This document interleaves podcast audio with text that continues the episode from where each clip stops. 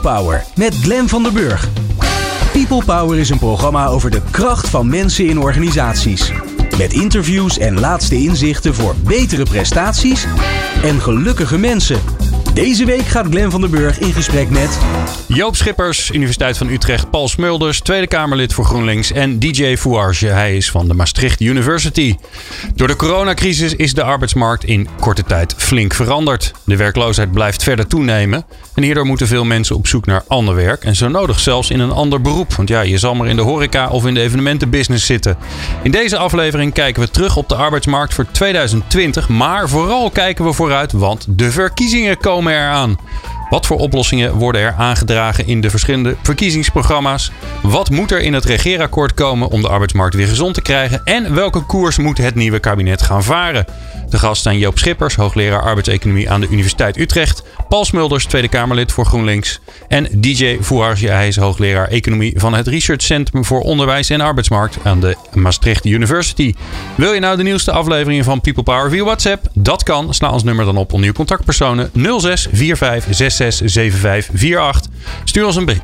Zo, ik verslik me er zelfs helemaal in. Stuur ons een berichtje met je naam en podcast aan. Dan sturen we weer de nieuwste afleveringen direct zodra ze online staan. Fijn dat je luistert naar deze ene laatste aflevering van 2020. Dit is Nieuw Business Radio. People Power met Glenn van der Burg. Joop Schippers en eh, Paul Smulders in de studio. Fijn dat jullie er allebei zijn. Uh, ja, misschien wel op de laatste dag dat we ons huis uit mogen. Je weet het maar nooit. Uh, maar dat is weer een heel ander onderwerp. Uh, ja, het, het, jaar is bijna voorbij. Dus altijd een mooi moment om ook een beetje terug te kijken op 2020, op die arbeidsmarkt. Um, ja, het is natuurlijk een hele gekke situatie geweest van een, van een totaal oververhitte arbeidsmarkt. Waarbij er niemand te vinden was in 2019, begin 2020 ook nog steeds. En dan komt die, uh, dat rare virus en dan gooit alles wat we ooit bedacht hebben, gooit het op zijn kop. Tenminste, zo voelt het. Joop, hoe kijk jij terug op dat jaar als je naar de arbeidsmarkt kijkt? Nou ja, het is inderdaad wel een veel bewogen jaar. Uh, aan de andere kant, uh, er zijn natuurlijk ook flink wat mensen die hebben toch um, betrekkelijk weinig gemerkt, in ieder geval in termen van baanzekerheid, uh, van wat er allemaal gebeurd is. Wel zijn er natuurlijk heel, heel veel mensen die uh, anders zijn gaan werken, bijvoorbeeld thuis zijn gaan werken. Maar uh, als je kijkt naar bijvoorbeeld de bakker en de mensen in de supermarkt, die hebben um, ja, eigenlijk er helemaal niets van gemerkt, behalve dat het veel drukker is geworden. Ja, ik, dus, was, ik was in de bouwmarkt, net zoals iedereen. -huh. Ik kom ook ongeveer één keer in de twee, drie dagen in de barnbouwmarkt. Want ik heb een nieuw huis, dus er is altijd wel wat te doen. En uh, uh, daar, daar zuchten de mensen echt. Laat het alsjeblieft een beetje rustiger worden rondom die kerst. Want die waren er echt wel klaar mee met die drukte. Nou, dat gaan ze krijgen. Hun wens ja. wordt vervuld. Maar of dit nou de manier is waarop dat de, hun bedoeling was, nee. dat, uh, dat weet ik niet. Nee, maar daar zie je dus dat um, wat er gebeurd is, is ook heel selectief geweest. En dat geldt voor de samenleving in zijn geheel. Er zijn mensen die nou ja, inderdaad niet veel anders gemerkt hebben dan dat ze thuis moesten gaan werken. En die nu vooral achter het beeldscherm zitten. En dat kan op gegeven moment ook heel saai en heel vervelend worden. Ja. Uh, maar ten opzichte van je baan verliezen of um, het vooruitzicht hebben dat je er misschien volgend jaar nog gaat verliezen. Ja, dat is natuurlijk een andere koek. Ja, als je, als je nou, want jij hebt daar verstand van, als je naar die cijfers kijkt. Kan je dan al iets zeggen over alle maatregelen die de, die, uh, de regering heeft genomen om ervoor te zorgen dat er zoveel mogelijk banen blijven bestaan? Nou ja, je ziet dat die uh, maatregelen eigenlijk heel succesvol geweest zijn. In die zin dat uh, het aantal faillissementen uh, is tot dusver lager dan faillissementen in normale jaren, zal ik maar even zeggen. Ja, bizar, wat ook dus betekent dat er bedrijven overeind zijn gehouden die het anders niet gered hadden. En de vraag is natuurlijk wat daar volgend jaar mee gaat gebeuren. Als er hopelijk dan, nadat een groot deel van de bevolking gevaccineerd is, de maatregelen toch ook weer enigszins worden afgebouwd. Ja. Ja, misschien is het wel een ongelooflijke innovatie geweest. Dat je eigenlijk bedrijven wat meer door zo'n periode heen moet helpen. Ja, maar ook uh, bedrijven die eigenlijk al ten dode waren opgeschreven, zijn misschien nu ook wel overeind gehouden. En dat houdt juist de innovatie tegen. Ja, Ja. Dus laat ik zeggen, vanuit de dynamiek van het economisch proces. En de vraag is hoe, hoe groot die dynamiek eigenlijk zou moeten zijn. En in hoeverre je daarin moet willen ingrijpen. Uh, maar zou je ook kunnen zeggen dat er nu als het ware een soort stop op de vernieuwing is gezet. Althans op een deel van de vernieuwing. Want we zijn natuurlijk enorm innovatief bezig geweest het afgelopen jaar. Met al dat thuiswerken. Uh, met digitaliseren van allerlei dingen die vroeger nog handmatig gingen. Als je kijk alleen maar in de supermarkten. Hoeveel mensen nu zelf de boodschappen ten opzichte van een jaar geleden. Kijk naar alle colleges uh, die bij de universiteiten, maar ook op middelbare scholen dadelijk in januari weer uh, online worden gegeven. Ja, daar hebben mensen prestaties geleverd uh, die je een jaar geleden niet voor mogelijk had gehouden. Nee. nee. Paul, hoe, hoe, kijk jij naar dat regeringsbeleid? Hè? Dus tot nu toe eigenlijk alle maatregelen om ervoor te zorgen dat zoveel mogelijk mensen lekker aan het werk kunnen blijven. Jij zit in de oppositie. Ben jij daar tevreden, gelukkig mee? Of heb je nog wel wat aan te merken? Het zou raar zijn als we daar niks op aan te merken hebben, maar over het algemeen zijn we best positief. Het is denk ik ongekend wat we meemaken, maar ook ongekend wat de, de overheid, het kabinet van maatregelen heeft genomen. Natuurlijk vele miljarden in de economie gestopt. Um, hebben ook altijd gesteund. Nou, vrijwel kamerbreed. Alle extra steunpakketten zijn vaak met 150 zetels aangenomen, dus van links tot rechts. Er is wel één punt waar wij permanent wel kritiek op hebben gehad en dat gaat wij noemen dat eigenlijk het crisisinkomen. Je merkt, de nadruk is heel erg komen liggen op hoe kun je zorgen dat zoveel mogelijk banen behouden blijven. Nou, daar zijn wij ontzettend voor en heel erg blij mee. Je merkt gewoon dat dat niet in alle sectoren lukt. En dat toch nou, vooral eh, jongere mensen met onzekere contracten geen WW hadden, geen recht hadden op een uh, bijstandsuitkering of tot toegang tot de participatiewet. En dat dus juist die groepen, die hebben echt de klappen, de hardste klappen van deze crisis opgevangen. En die zitten daar vaak nog middenin.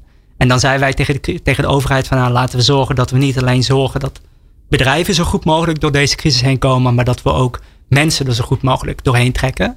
En daar hebben we nu afgelopen week wel een groot succes op, uh, op geboekt.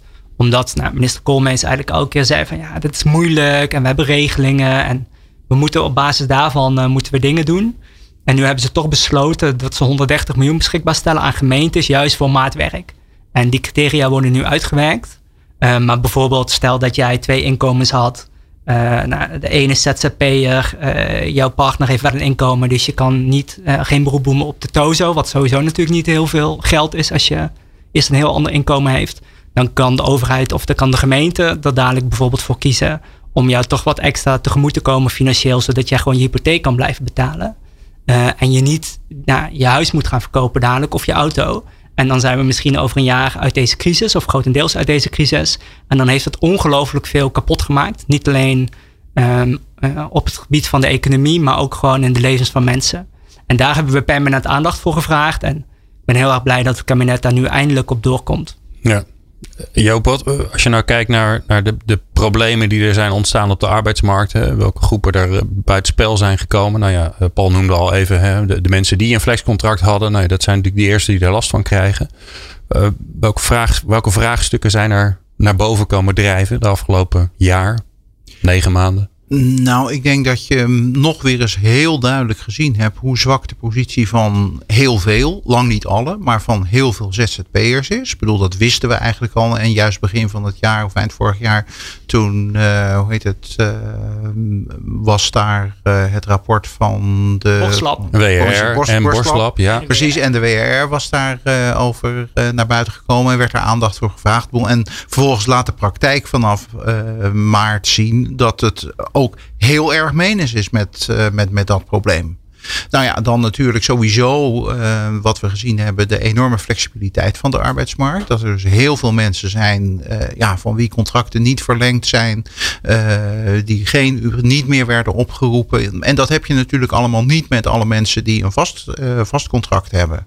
Dus laat ik zeggen, wat er op dat punt aan structurele weeffouten in de Nederlandse arbeidsmarkt uh, zit. Dat is door deze crisis denk ik wel in belangrijke mate uitvergroot. En dan zijn er natuurlijk heel veel jongeren die uh, niet aan de bak gekomen zijn nadat ze hun opleiding hebben afgerond. Uh, mensen, studenten die hun baantje zijn kwijtgeraakt. Aan de andere kant zijn er ook een heleboel mensen gestimuleerd in hun creativiteit om dan toch iets anders te gaan, te gaan doen. Dat is op zich wel weer, als je dat soms, soms ziet, dat zijn natuurlijk elke keer weer individuele gevallen Maar dan denk je ook van, wauw, dat is mooi dat mensen op dat idee gekomen zijn om zus of zo te gaan doen. Wil iets met eten maken of huiswerkbegeleiding. Nou ja, laat ik zeggen precies die creativiteit waarvan je zegt van goh, uh, doe niet alleen maar uh, automatisch uh, datgene wat al je voorgangers gedaan hebben en meld je aan bij een café of restaurant om bier uit te gaan schenken, maar kijk of er ook bij wijze van spreken iets anders ja. te doen is. Als we over, we hadden het over, net even over innovatie, wat misschien nog wel de belangrijkste innovatie is en zeker als je een beetje, nou ja, laat ik zeggen, om een, een wat, wat hoger niveau ernaar probeert te kijken, dat doe je toch in de kerstuitzending, niet waar? Ja. Eh, dan ehm, vind ik wel het feit dat we met z'n allen, uh, en Paul noemde net die eensgezindheid in de Tweede Kamer van die 150 zetels, uh, dat we met z'n allen ehm, zo 1, 2, 3 besluiten om in te grijpen en niet te zeggen, nou de markt gaat het op enig moment wel regelen dat vind ik wel een vorm van innovatie ten opzichte van bij wijze van spreken hoe we de vorige crisis uh, te lijf gingen. Of eigenlijk niet te lijf gingen, gingen maar gewoon lieten voortwoekeren. Uh, bedoel, dan denk ik van dat is een enorm winstpunt. Ja, en dat met een kabinet waar toch behoorlijke rechtse signatuur uh, op zit, is het. Hè? Nou ja, maar als je naar, maar dan loop ik alweer een beetje vooruit op een volgend blokje. Kijk naar het feit. nee, precies. Uh, VVD noem ik, dan, noem ik dan toch even. Die uh, veel explicieter dan in een vorig verkiezingsprogramma de rol van uh, de overheid ook erkennen. Ja, en pleiten voor een verhoging van het minimumloon. Nou, moet toch Om niet, maar dat moet toch niet gekker gaan worden. Hè? Laten we hopen dat uh, het ook weer leidt tot uh, wat meer eensgezindheid. Deze ellende waar we allemaal doorheen komen. Um, nou ja, jij gaf hem al even aan. Hè? We, we gaan uh, we een beetje terugkijken. Maar dat hebben we nu eigenlijk al gedaan. We, we willen vooral ook vooruitkijken naar... Ja, wat, wat komt er allemaal aan? Wat moet er eigenlijk gaan plaatsvinden tijdens die verkiezingen? En ja, die twee mooie rapporten die we al noemden. Waar ik in ieder geval behoorlijk enthousiast over was. En volgens mij zullen jullie dat ook ongetwijfeld zijn. Van hoe de arbeidsmarkt. Uh, niet over, nee, vast niet. Maar de basisbanen staan erin, Joop. Volgens mij heb jij die ooit bedacht. Dus uh, wat wil je nog meer? Um, ja, wat moet er met die rapporten gebeuren? Nou, dat hoor je allemaal straks. People Power op Nieuw Business Radio. Dit is Menno Lanting, spreker en schrijver. En ik kan me voorstellen dat je wellicht eens op zoek bent naar nieuwe inspiratie, nieuwe inzichten. Kijk dan vooral eens naar People Power mooie verhalen, mooie inzichten. Ik raad het van harte aan. People Power met Glenn van der Burg. Joop Schippers, Paul Smulders en uh, eh, DJ Fouarge, die is er ondertussen ook aangeschoven, of tenminste virtueel aangeschoven. Helemaal vanuit Maastricht. Tenminste, ik ga ervan uit dat je in Maastricht zit, DJ. Nou, dat is niet zo. Ik werk thuis. Je werkt thuis? In, uh, waar... in de Noord-Limburg. Oh, oké. Ja, ja. En eh, voor ons, uh, voor ons die niet in Limburg wonen, wij denken dan dat het vlak bij elkaar is. Maar dat is een heel eind, hè? dat is een heel eind, ja. ja. Hey, we gaan met elkaar kijken naar uh, ja, welke kant moet het op? Welke richting moet het op? En ik wil eigenlijk eerst even die twee rapporten erbij pakken. En dat klinkt dan alsof ik ze allebei van voor tot achter heb gelezen. Dat is niet waar. Ze zijn ook best wel een beetje weggezakt ondertussen. Um, uh, Joop, uh, commissie Borslab en de WRR, die, zaten, die gingen redelijk dezelfde kant op. Um, uh, in, in de voorstellen die ze, die ze deden. Er zaten ongetwijfeld ook afwijkingen in van elkaar. Um, maar allebei gaven ze wel aan van ja, laten we nou eens op een andere manier naar werk kijken. Niet alleen maar naar de economische kant, maar ook naar de andere kanten. Wat is daarvan terechtgekomen ondertussen? Nou, er is nog niet zo heel veel van terecht gekomen. Er is vooral ook veel doorgeschoven. Ik bedoel, uh, we hebben volgens mij recent uh, de reactie van het kabinet op Borstlap gehad. En daar is toen gezegd van nou, we gaan voor de verkiezingen niks meer doen. Dat is iets wat op de formatietafel uh, terecht moet komen. Um, en in het rapport Borstlap stonden eigenlijk nog de meest concrete punten. Dat waren ook, nou ja, voor een groot gedeelte arbeidsrechtelijke aanpassingen. Dus bijvoorbeeld over de positie van ZZP'ers, over de positie van flexwerkers. Ehm, terwijl terwijl de, uh, het rapport van de WRR, het betere werk, dat was meer conceptueel van aard. Over de rol die werk uh, in het moderne leven zou moeten hebben, in het leven van mensen. Uh, hoe mensen zich tot werk zouden moeten verhouden. Dus dat, dat was iets minder met concrete voorstellen die je bij spreken zo in een wet kon vertalen. Als meer op het, nou ja, de ideeën over uh, de rol die werk in de samenleving zou moeten spelen. Ja. Paul, die, die twee rapporten die, die zaten redelijk kort na elkaar. Als jij nou bespiegelt op hoe die geland zijn bij de verschillende partijen, want jij, uh, jij volgt daar debatten, technologie zit er middenin. Waren dat nou rapporten waarvan, waar heel veel discussie over was? Of, of kan je misschien wel zeggen van nou, iedereen had wel zoiets van ja, Dat is, ja, daar moeten we, die kant moeten we op.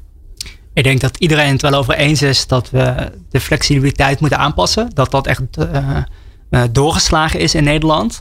Waar de discussie nog wel over was of je dan bijvoorbeeld ontslagrecht moet gaan versoepelen. Dus dat je ook het vaste contract moet gaan uh, aanpakken. Hm. En was wel interessant, want als, als linkse partij, dus GroenLinks, maar ook PvdA en de SP, die zeiden nou supergoed dat het nu eindelijk erkend wordt dat die flexibilisering van de arbeidsmarkt die in Europa best wel uniek is, hoe ver wij erin zijn doorgeslagen, dat daar echt iets aan moet gaan gebeuren. Maar laten we dat eens eerst doen voordat we mogelijk vaste contracten minder vast gaan maken. En toen kreeg ik wel van collega's van VVD, D66 meteen verwijten om mijn oren. Zeiden van ah, cherrypicking, je moet alles in één keer doen. Maar het volgende debat gingen ze ook wel een beetje cherrypicken. En gingen ze er ook de dingen uitpakken die voor hun interessant waren. En dat snap ik, want daarom zit je in de politiek. En heb je ook verschillende, verschillende idealen. Wat me wel heel erg opviel is dat um, debat over Borslap moet nog komen in de Kamer. Maar dat het eigenlijk al veel meer daarover gegaan is. En dat het WRR-rapport relatief minder aandacht heeft gekregen. En ik vind dat eigenlijk heel erg jammer, omdat um, Borslap eigenlijk alleen maar echt over arbeidsrecht gaat. En dat is, dat is hard nodig dat we er iets aan gaan doen. Maar bijvoorbeeld WR ging ook heel erg over um, uh, wat, wat doe je qua relatie werk-privé. Hoe kunnen we zorgen dat bijvoorbeeld vrouwen veel meer gaan werken. Door mhm. bijvoorbeeld kinderopvang gratis te maken. Hoe kunnen we zorg en werk beter combineren. En dat, dat miste eigenlijk wel bij Borslab. En ik hoop ook als dadelijk op de formatietafel beide, uh, beide rapporten liggen. Dat we niet alleen naar Boslab en naar de, eigenlijk meer de technische kant gaan kijken. Maar dat ook al die andere regelingen die heel erg belangrijk zijn, dat daar ook veel aandacht voor, uh, nou, voor gaat zijn. En sterker nog, in de WRR riepen ze eigenlijk op dat we moeten een soort visie hebben op wat werk eigenlijk, hè, het belang van werk in de organisatie. En daar haalde volgens mij Finland aan. Die zeiden ja, het hoogste doel in Finland is dat, we, dat ze de, de, het land willen zijn met, uh, met het plezierigste werk.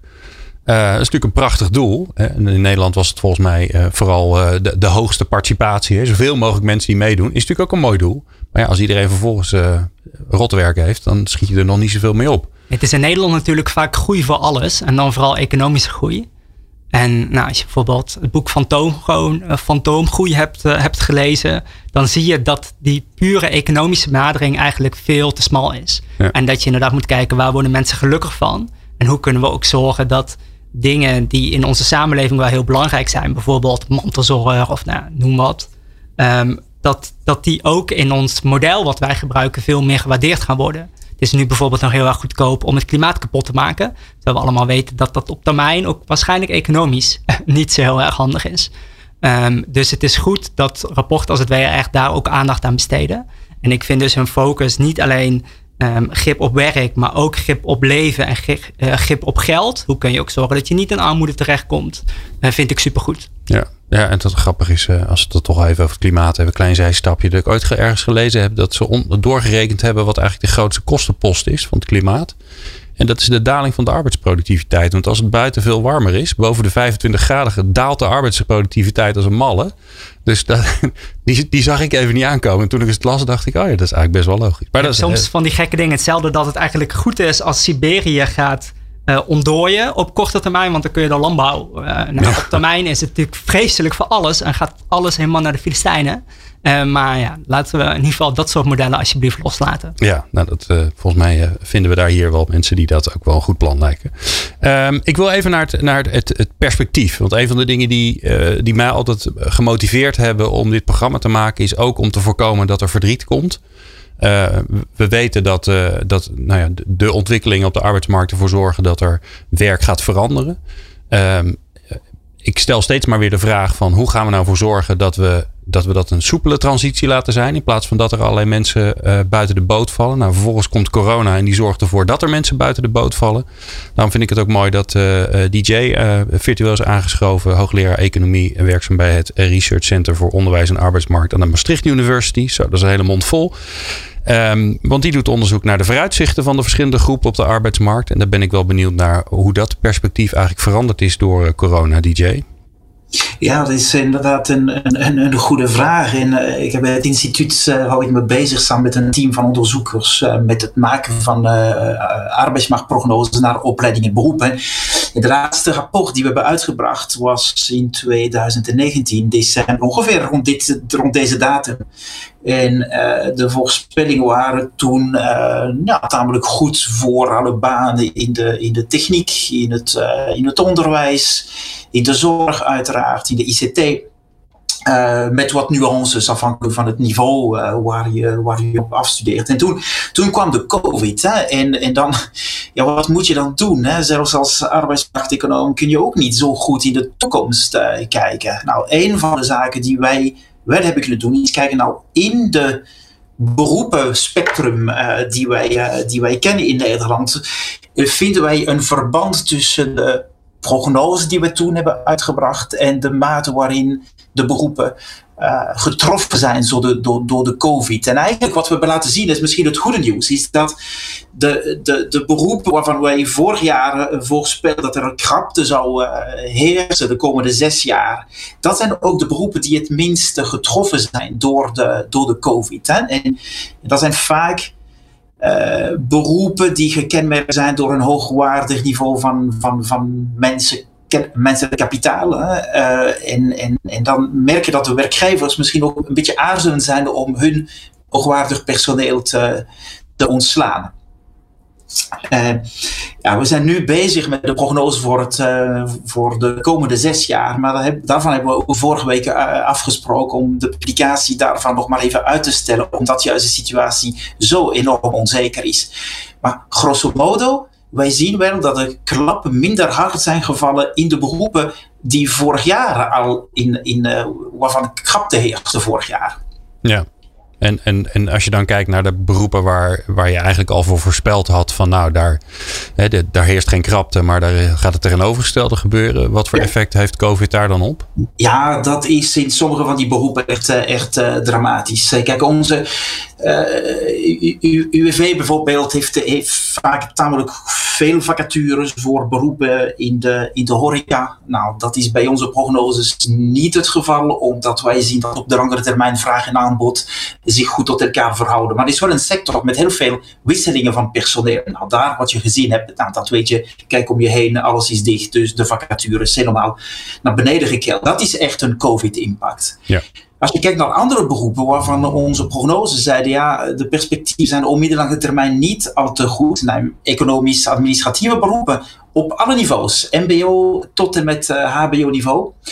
Uh, daar is de COVID-klap er ook enorm op gaan zitten. En je ziet dat de vacaturegraad daar is gedaald door de COVID.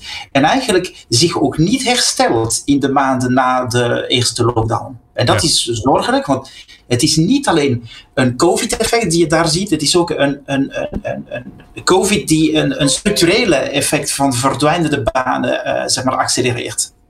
En, dan moet ik de, de, de, de administratief medewerker op kantoor, die kan ik me voorstellen. Maar jij zegt ook, ook op de hogere niveaus moet ik dan denken aan accountants, controllers, dat soort uh, personeel? Ja, onze, ja, inderdaad. Onze ramingen zijn niet al te, al rooskleurig voor dit soort uh, voor, voor die beroepen, ondanks de hogere opleidingsniveau. Nu is het zo, een hogere opleidingsniveau geeft je ook een soort verzekering voor het opvangen van, van dergelijke klappen. Maar dat is iets waar je, zeg maar, als studiekiezers, je zou eigenlijk best wel goed moeten kijken naar wat kan ik nu verwachten van de arbeidsmarkt van vandaag en van die, die van morgen. Ja, en als je nou een advies moet geven, hè, stel je voor, uh, ik, uh, ik zou eigenlijk nu de arbeidsmarkt betreden en ik heb een leuke opleiding accountancy gedaan. Wat, wat adviseer je mij? Wat voor kopstudie moet ik nog even snel gaan doen? Nou ja, dat, dit, soort adviezen geef ik niet zo, zo graag. Maar ik, zou in ieder geval, ik zou in ieder geval zeggen, ja, blijf wel met de ogen open rondkijken. Want ik, ik merk dat bij jongeren uh, gaan het onderwijs zien en, en, uh, en, en, en en, gaan voor een diploma. Hè? En als het diploma behaald is, wordt dat vaak gezien als een soort, uh, als een soort eindstation. Nou, wat deze crisis laat zien, is dat jouw diploma is beslist geen eindstation. Shocks kunnen ervoor zorgen dat je iets anders moet gaan leren, maar ook de structurele ontwikkelingen, de manier waarop wij werken, nijpen ook tot, uh, tot, uh, tot het leren van nieuwe, nieuwe vaardigheden. Dus je moet, het is het advies wat ik zou geven aan de jongeren, bekijk niet jouw diploma als een eindstation en, en ga voornamelijk ook met, hè, met ogen open en, en, en, en, en, de mogelijkheden die je hebt tot, tot, tot, tot verder leren omarmen. Ja. Ja, ik heb ooit uh, geleerd hoe ik uh, een economische verslaglegging moest doen binnen een bedrijf. Daar heb ik gelukkig heel weinig mee gedaan. Maar uiteindelijk sta ik hier radio te maken.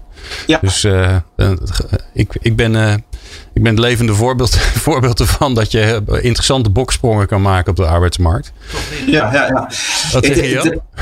Toch liggen ook op dat punt uh, best wel interessante mogelijkheden. En dan, dan refereer ik ook even aan wat Paul net zei. Van, uh, er is uh, in het bedrijfsleven enorm veel behoefte. En voor zover ze dat nog niet weten, dan komen ze daar de komende tien jaar wel achter. Om bijvoorbeeld ook milieuprestaties in de boekhouding vast te leggen. En om indicatoren te ontwikkelen hoe je dat meet. Hoe je dat in de verslaglegging ja. naar voren brengt. Door dus als jij accountancy gestudeerd hebt en je wil er bij wijze van spreken nog iets postdoctoraals bij doen, dan zou ik me bijvoorbeeld op zo'n onderwerp concentreren. Ja, ja dus ga je dan verdiepen in. Uh, hebben we overigens een ander programma voor, dat heet Impact. Dat is mooi, daar kun je ook naar luisteren. Want daar hebben we ook eh, stiekem dan weer een beetje verstand van. Nee, maar dat is heel interessant, want dat, daar gaat heel veel gebeuren natuurlijk. Uh, echte prijzen Precies, berekenen. Ja. dus net weer een leuke supermarkt geopend in Amsterdam met echte prijzen.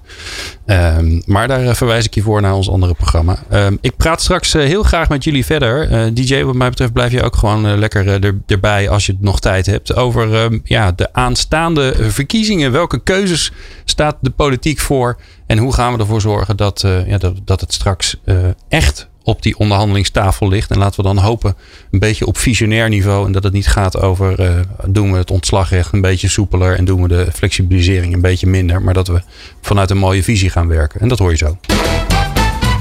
People Power met Glenn van der Burg. Met in de studio Joop Schippers uh, van Universiteit Utrecht. Paul Smulders, Tweede Kamerlid voor GroenLinks. En DJ Fouage is ook bij ons uh, van Maastricht University. Helemaal vanuit Venray, want die zit online bij ons in de studio. Um, ja, we gaan naar de politiek. We staan, ja, we staan voor de verkiezingen. Je hoort er nog relatief weinig over, moet ik je heel eerlijk zeggen. Maar dat, uh, dat gaat ongetwijfeld binnenkort beginnen. Dan uh, het is ook een beetje wachten misschien tot de politieke partijen zeggen... en nu gaan we beginnen met de campagne. Wanneer gaan jullie van start?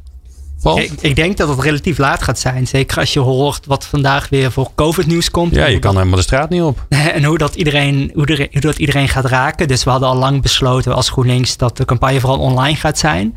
Maar je merkt ook gewoon, in dat, wat jij net al aangeeft, dat mensen er gewoon mentaal niet mee bezig zijn.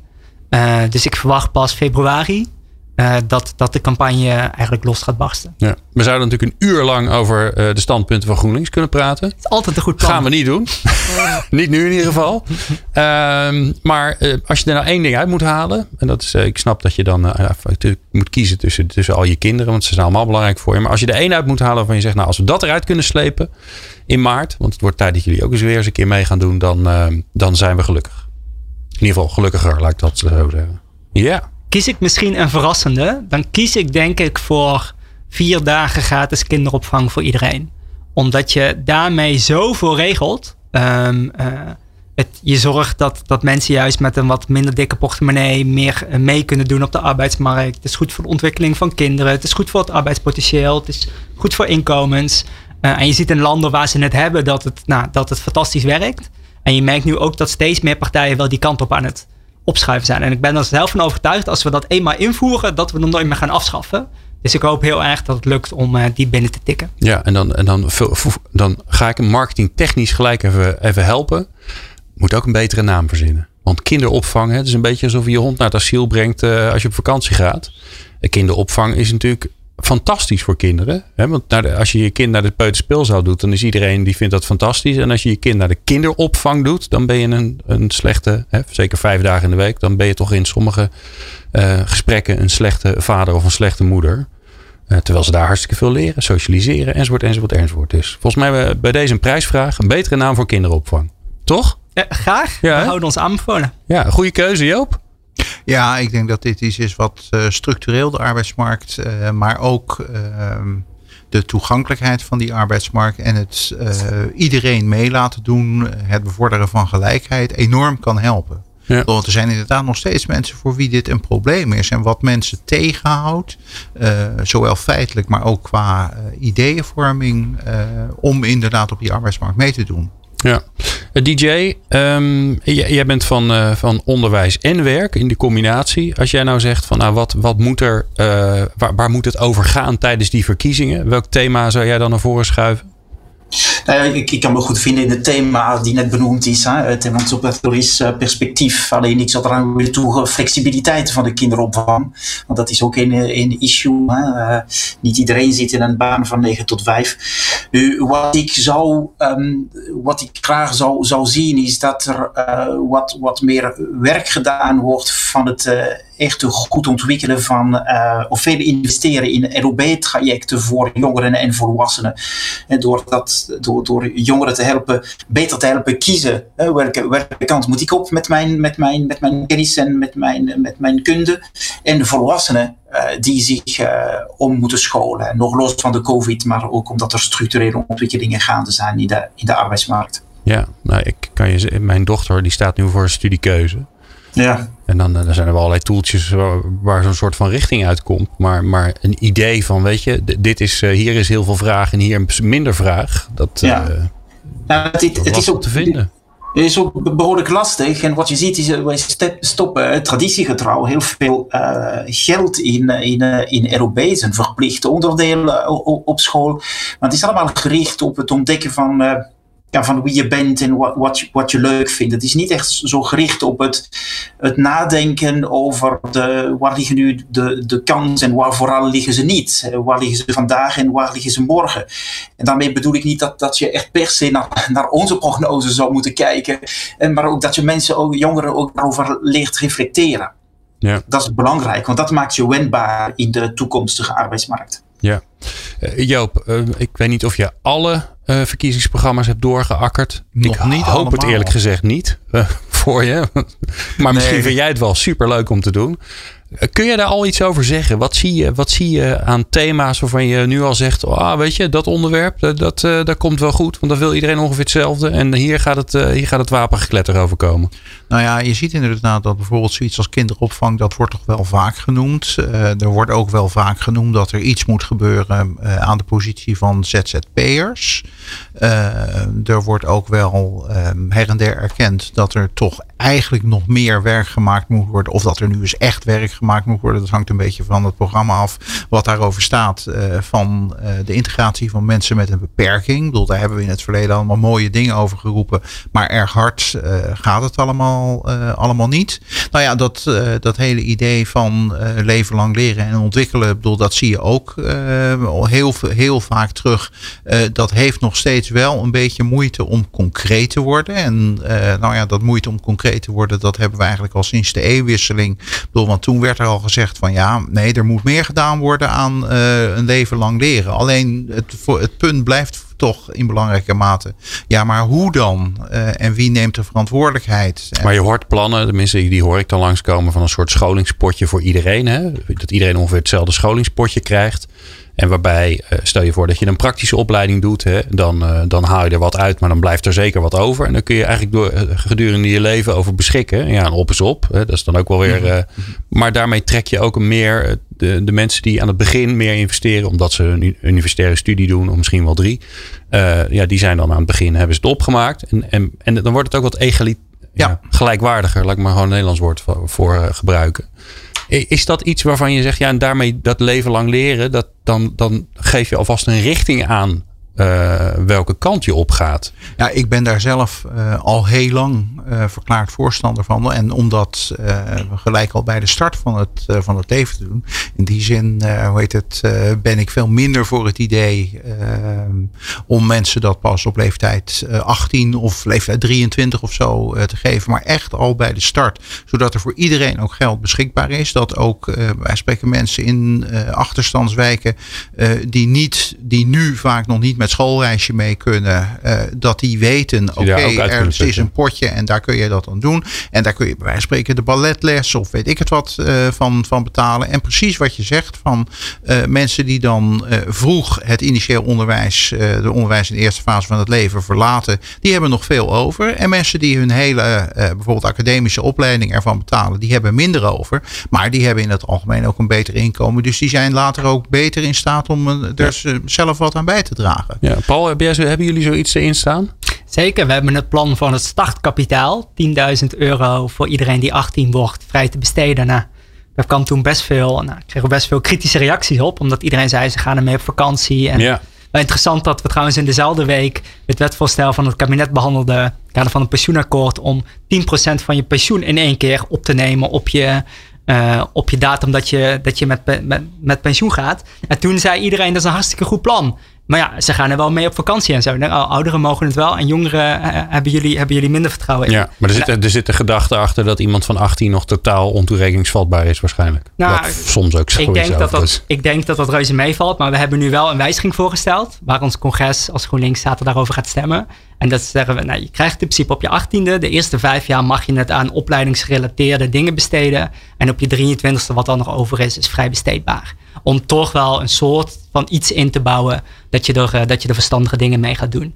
Kijk, wat, wat voor mij uiteindelijk... Nou, je, je wil daar iets mee, toch? Je wil de richting mee Zeker, aangeven. zeker. Nee, en je wil uiteindelijk dat is geld gewoon een sturingsmiddel. Nee, kijk, en je wil dat iedereen gelijke kansen heeft. En dat is ook, kijk, het huidige stelsel van, van studiefinanciering. En dat, dat is niet helemaal uitgepakt zoals ooit de bedoeling was. Dus het is voor veel mensen, met name uit, uit wat, wat lagere economische klasses, eh, toch een, een drempel geweest om eh, te gaan studeren. Eh, dat was nooit de bedoeling geweest. En daar zijn allerlei dingen voor bedacht, maar dat heeft niet uitgepakt zoals, zoals, eh, zoals destijds eh, is uitgedokterd. Dus wij zeggen, het is juist heel eerlijk om iedereen hetzelfde bedrag te geven. Want je merkt op dit moment dat vooral de, de, de eh, theoretisch opgeleiden enorm gesubsidieerd worden. En dat proberen we hiermee te doorbreken. Dus die kansenongelijkheid die gewoon heel diep in onze Nederlandse samenleving zit, die proberen wij tegen te gaan. Ja. En is het niet, dat, dat mis ik soms nog wel eens in de politiek. Hè? Dat, als jij zegt, ja, wij willen de, er is kansenongelijkheid en die willen we doorbreken. En dit is een, dit is een voorstel. Dan gaat het altijd weer over dat voorstel. En dan staat dat weer in de pers. En dan gaat de media zich weer, eh, daar weer allerlei eh, contrasten opzoeken. Terwijl volgens mij zijn heel veel mensen ervoor om die kansenongelijkheid nou eens een keer goed aan te pakken. Dat mis ik soms zo vaak in de politiek. Dat is zo, allemaal maar dat is soundbites en, ah, Dat is vaak gewoon ook qua, qua media. Kijk naar, of naar collega's van je. Dit doet dat Ja. vaak minder goed. Kijk, ik ben nu hier te gast en we kunnen een uur praten over de arbeidsmarkt in brede zin. Ik kan hier nu bij spreken iets zeggen over universele sociale zekerheid. En dat we het belangrijk vinden dat iedereen die in Nederland opgroeit, die in Nederland werkt of niet kan werken, dat je niet in armoede terechtkomt. Dat je in principe gewoon een arbeidsongeschiktheidsverzekering hebt voor als je pech hebt, wat iedereen kan gebeuren. Dat je in principe pensioen opbouwt. eh, dat je toegang hebt tot scholing, waar we het net over hadden. Maar heel eerlijk, als, als ik dat als voorstel lanceer van GroenLinks wil universele sociale zekerheid na misschien pagina 18 ehm, een financieel dagblad, als ik geluk heb, maar echt geen enkel ander medium schrijft erover. Nee, en dat is soms wel frustrerend, dat, dat vaak de, de meer nou, eh, eh, behapbare onderwerpen, zoals versoepeling van het ontslagrecht of daar 10.000 euro voor iedere jongere, dat die het vaak wel de voorpagina halen. Ja, ja. Dit is, is wel mooi, hè? want eh, Joop en de DJ, ik vraag het jullie ook als, natuurlijk als, als wetenschappers, want jullie kunnen natuurlijk ook het belang van zekerheid, en dat is natuurlijk een van de dingen die ook uit, in ieder geval uit de commissie of de- het rapport van de WER kwam. Dat, dat gevoel van zekerheid, een, een basis hebben waar je terug kan vallen in het leven, dat dat, dat dat vanuit al dat wetenschappelijk onderzoek blijkt dat dat zo belangrijk is. En ja, daar hebben we natuurlijk wel, eh, zeker met alle ZZP'ers en zo, behoorlijk aan zitten zagen. Met ja, in ons achterhoofd dat vrijheid het hoogste goed was. Dus hoe zie jij dat, Joop? Wat, wat is nou echt een weeffout die er nu even uit moet gehaald worden in, eh, in de volgende kabinetsformatie? Nou ja, zoals net al even aan de orde kwam. Bedoel, Nederland eh, neemt ten aanzien van eh, flexibel werk wel een Europees gezien een, een heel bijzondere positie in. Bedoel, wij hebben zoveel flexwerk eh, dat je zegt van nou, wij, wij, eh, wij staan echt aan, aan top in, eh, in Europa. En ook ten opzichte van landen waarvan je denkt van nou ja, die, dat zijn nou helemaal toch niet landen waar ze wat dat betreft zulke extreme dingen doen of waar ze niet bereid zijn om de markt zijn werk te laten doen. Dus het kan, je kunt ook heel goed economisch succesvol zijn zonder eh, dit, eh, dit allemaal te doen. En het heeft, nou ja, voor, laat ik zeggen, vooral ook in de sociale sfeer heeft het hele nare consequenties. Maar gewoon ook feitelijk, ik bedoel, kijk naar hoe eh, mensen die bij wijze van spreken een contract van twee jaar hebben, hoe die werken. Van het, het, het laatste half jaar van die twee jaar Zijn ze zijn al bezig om te zoeken naar iets anders. Bedoel, Dus dat gaat ook gewoon feitelijk allemaal ten koste van de productiviteit. En ook als je kijkt in termen van, uh, nou ja, laat ik zeggen, de kennis die er verloren gaat als mensen uh, weer weggaan en je weer een nieuw iemand uh, gaat inwerken. Ik bedoel, dat is voor de continuïteit ook allemaal niet, niet goed. Ik bedoel, voor sommige dingen kan het best, maar het hoeft niet in de mate waarin het op het ogenblik gebeurt. Ja. Ik wil naar, uh, naar, een, uh, naar een afronding. En dat doe ik altijd door het lekker concreet te maken. Dus uh, hier gaan natuurlijk ongelooflijk veel mensen naar luisteren. Naar dit programma luisteren er nu al. Maar straks naar de podcast natuurlijk nog veel meer. Want we gaan het allemaal weer delen. En ehm, advies aan de, de, ehm, aan de onderhandeltafel straks. We weten nog niet eens wie er gaan zitten, dus het is een interessant advies. Maar uh, DJ, mag ik bij jou beginnen? Advies aan de onderhandeltafel van, uh, van het nieuwe kabinet. Uh, waar moeten ze het over hebben? Dus hoeven ze nog niet, hoef je nog niet eens te zeggen wat, um, wat de uitkomst moet zijn. Maar wat moet in ieder geval een thema zijn waar, waar ze het in ieder geval over moeten hebben. Omdat het daar gewoon nu ja, niet goed gaat. Nu vragen dat het, en het enige in dit gezelschap die geen stemrecht heeft in Nederland. Dus dat is wel ironisch. Ja, hè? Mooi hè, dus dat ik krijg zou... je van mij. Ja, oké. Ik, zou, ik zou toch inderdaad inzetten op de leven lang ontwikkelen. Uh, dat even goed, goed uit onderhandelen en dat er echt uh, concrete maatregelen komen voor jong en oud om zich uh, verder te ontwikkelen. In de huidige baan, maar zeker wanneer de baan door technologie bijvoorbeeld verandert in natuur of helemaal verdwijnt. Ja, en als je dan een concept daarin waarvan je zegt van nou dat zou wel eens kunnen werken, hoe, hoe, hoe, hoe ziet dat er dan uit?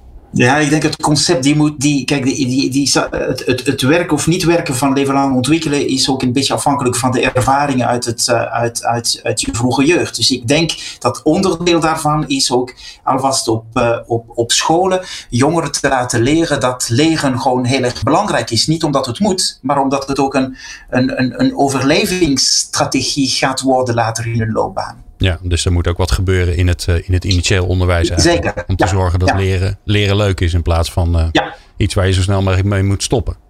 Exact. Alright. Paul, wat moet er op de onderhandelingstafel? Welk thema moet het in ieder geval over gaan? Um, ik denk dat het heel erg belangrijk is dat we veel meer gaan denken uh, vanuit vertrouwen in plaats van wantrouwen. Ik denk bijvoorbeeld als de kinderopvangtoeslag ons iets geleerd heeft, is dat de overheid toch nou, heel erg bureaucratisch geworden is. Maar ook nou, veel mensen die bijvoorbeeld pech hebben gehad in hun leven en in een uitkering terecht zijn gekomen. Of die een inkomensachteruitgang hadden. Nou, dat dat een beetje eigen schuld dikke bult. En het is eigenlijk erger dat je 1 euro te veel krijgt dan 5 te weinig. Dat systeem hebben we eigenlijk ontwikkeld. En als het lukt om dat te doorbreken, dus weer veel meer de mensen centraal te zetten, denk ik dat dat niet alleen voor die mensen veel beter is, maar uiteindelijk ook voor onze samenleving en voor onze economie. Dus als we die gedachtegang op de onderhandelingstafel, want we hopen natuurlijk als GroenLinks dat we voor de eerste keer gaan meebesturen, ik heb er alle vertrouwen in, uh, dan zou dat super mooi zijn. Ja, mooi. En uh, ja, er gaan altijd dingen mis en accepteren dat er een. Uh, dat er ook een gedeelte mensen misbruik maken, ja, dat is dan even niet anders. Zoals Rutger Brekman al zei, de meeste mensen deugen. En ja. laten we dat het uitgangspunt nemen. Mooi. Joop, jij hebt uh, de eindstoot. En dat is ook de lastigste, want er zijn er al twee genoemd en jij moet weer een andere komen. Ja, nee, maar ik kan maar bij die andere twee uh, onmiddellijk aansluiten. Uh, wat daarbij denk ik heel belangrijk is, en dat hebben we het afgelopen jaren toch regelmatig gemist.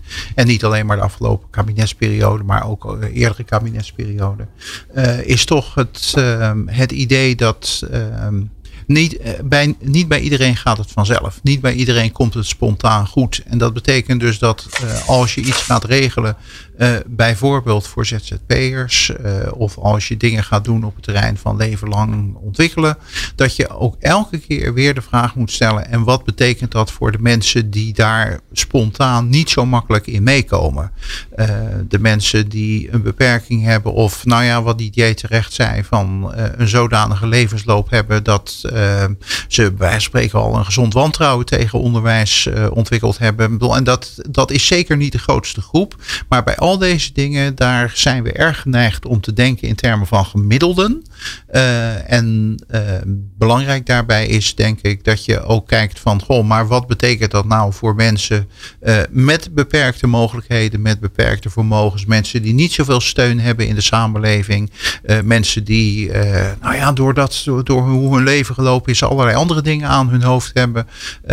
Nou, ik denk dat die groep, om daar regelmatig bij stil te staan, bij al dit soort dingen, van kan de onderste, de onderste groep, en nou bedoel ik onderste even niet, nou ja, wij zeggen maar de mensen die uh, achteraan in, in de rij staan, komen die ook mee. Ja, mooi. We gaan ook een goede kerstgedachte trouwens. Nou, zeker een mooie kerstgedachte. Zorg voor je naasten.